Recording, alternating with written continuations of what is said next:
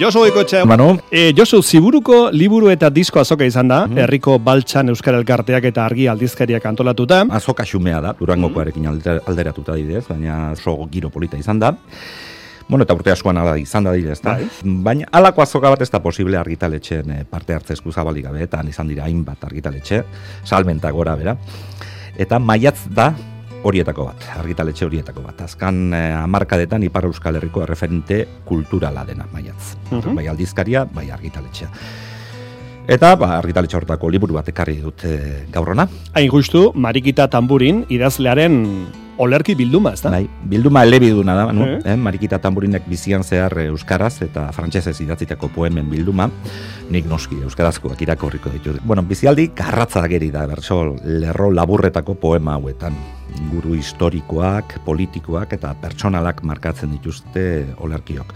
Arbasoek utzitako ondarea, gatazka politiko eta armatuaren ondorioak, galen atentatuek eragindako izua, gaztetako amets zapustuen ondarrak, eta guztiaren gainetik, intimitate mindu batetik, tamburinen ahotsa goratzen da. Lehen irakurraldian, Manu, zure baimenarekin, lau poema labur irakurriko ditu. Ados. Eh, hor deskribatzen dira, iru eta marreko amarkadako borroka politikoaren eh, ametsak, ondorengo minak, eta emakumearen rola gizonek gidatutako ibilaldi iraultzailean. Eta ohar txiki bat. E, bilduma hau apaiatzeko sarreran tamburinak adierazten du Joaquin Rodrigoren musika erabili zuela eta aresekin girotuko ditugu poema lau poema hauek ere. Bai? Ados? Ados, ados.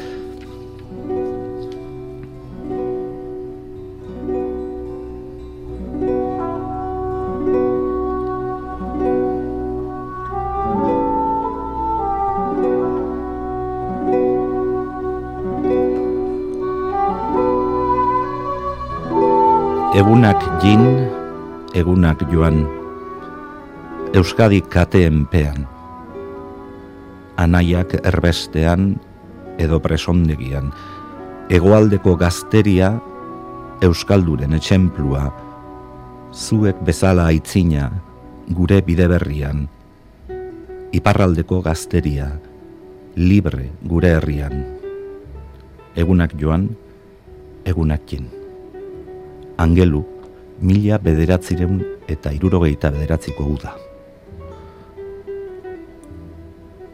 Eta orain zer, eta orain joan azara, eta orain iraultza, eta orain non zara, eta orain eriotza, eta orain zer. Doniban eloitzune mila bederatzireun da irurogeta mairuko martxoaren amaikan. Lehenago itxasuan galtzen ziren gizonak orain iraultzan galtzen dira, eta lehenago bezala emazteak bakarrik gelditzen dira Euskal Herriko etxe utxetan. Emazte gaixoak beren aurrekin gudarien semeekin, lehenago gelditzen ziren bezala, arrantzalen alargunak eta aurrak. Donioan eloitzune, mila bederatzireun da irurogeta mairuko, ekainaren amazazpian. Kanta esan emaztea, altxaburua, atera kanpora, azken iraultza, gurea izanen da. Ez sinetxi, askatu euskadi, eta gure penak fini. Ez sinetxi gizon iraultzaileari, itaz oroit adi, eta orain hasi oldartzen, biharko euskadin, gizonak bezain libre izan gaitezen, kantazan emaztea, altxa burua, atera kanpora, azken iraultza, gurea izanen da. Doniban eloitzune, mila bederatzireun da irurogeta mazazpiko, abenduan.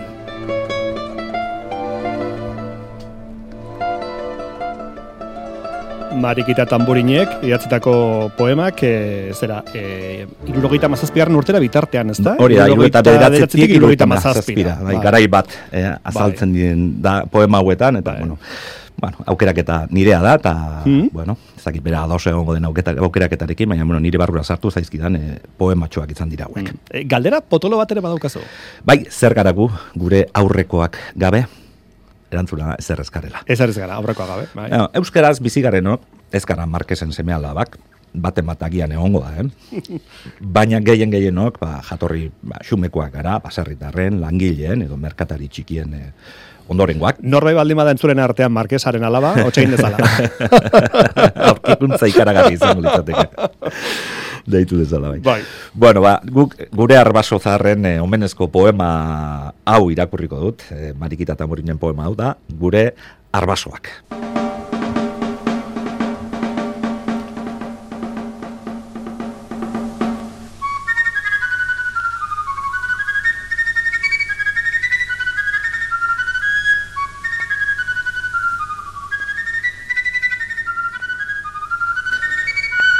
Zuek gure arbasoak, zuek gure aideak, biziguzian lanean ari izanak, zuek goizeko oeko goxotazuna ez duzuena gozatu, zuek bakantzarik ez duzuena hartu, zuek modarik ez duzuena segitu, zuek dituzue altxatu gure etxeak, herrialde eta hilerriak, zuek moldatu gure bazterrak, mintzaira, kantu eta dantzak, zuek gure arbaso, umil eta xeak.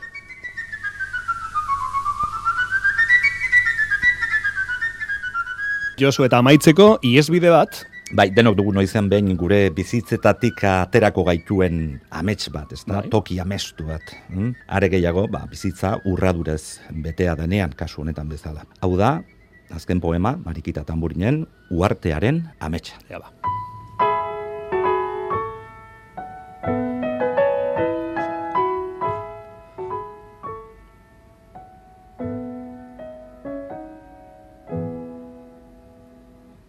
Ah, uarte gorde bat, aurkitzen albanu, han bakarrik bizitzeko, nehor ikusi gabe, izadiaz gozatzeko, zergarik ez ordaintzeko, hilartean bakean izateko, etxeño bat aterpetzeko, gatu bat maitatzeko, baratze bat jateko, ies egiteko gogoa ez gehiago itzultzeko, noizean behin hartzen nauena.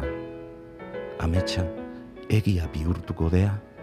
Ah, uarte gorde bat, aurkitzen, albano. Uarte galdu hori izango bagenuten auke egingo nuke bisita noiz bait, ez da? Josu, bai, astelenetan batez ere, ezta? hartu gogoan izena, eh? Marikita tamburin. Maiaz argitaletxeak ateratako olerki bilduma, bizita osoan idatzitako poemak dakartza, eta Bai, oso gaurko tartea irakurketa etxe. omenaldi egiteko marikitari eta maiatz argitaletxeari. Eh? Josu, aston izan. Berdin.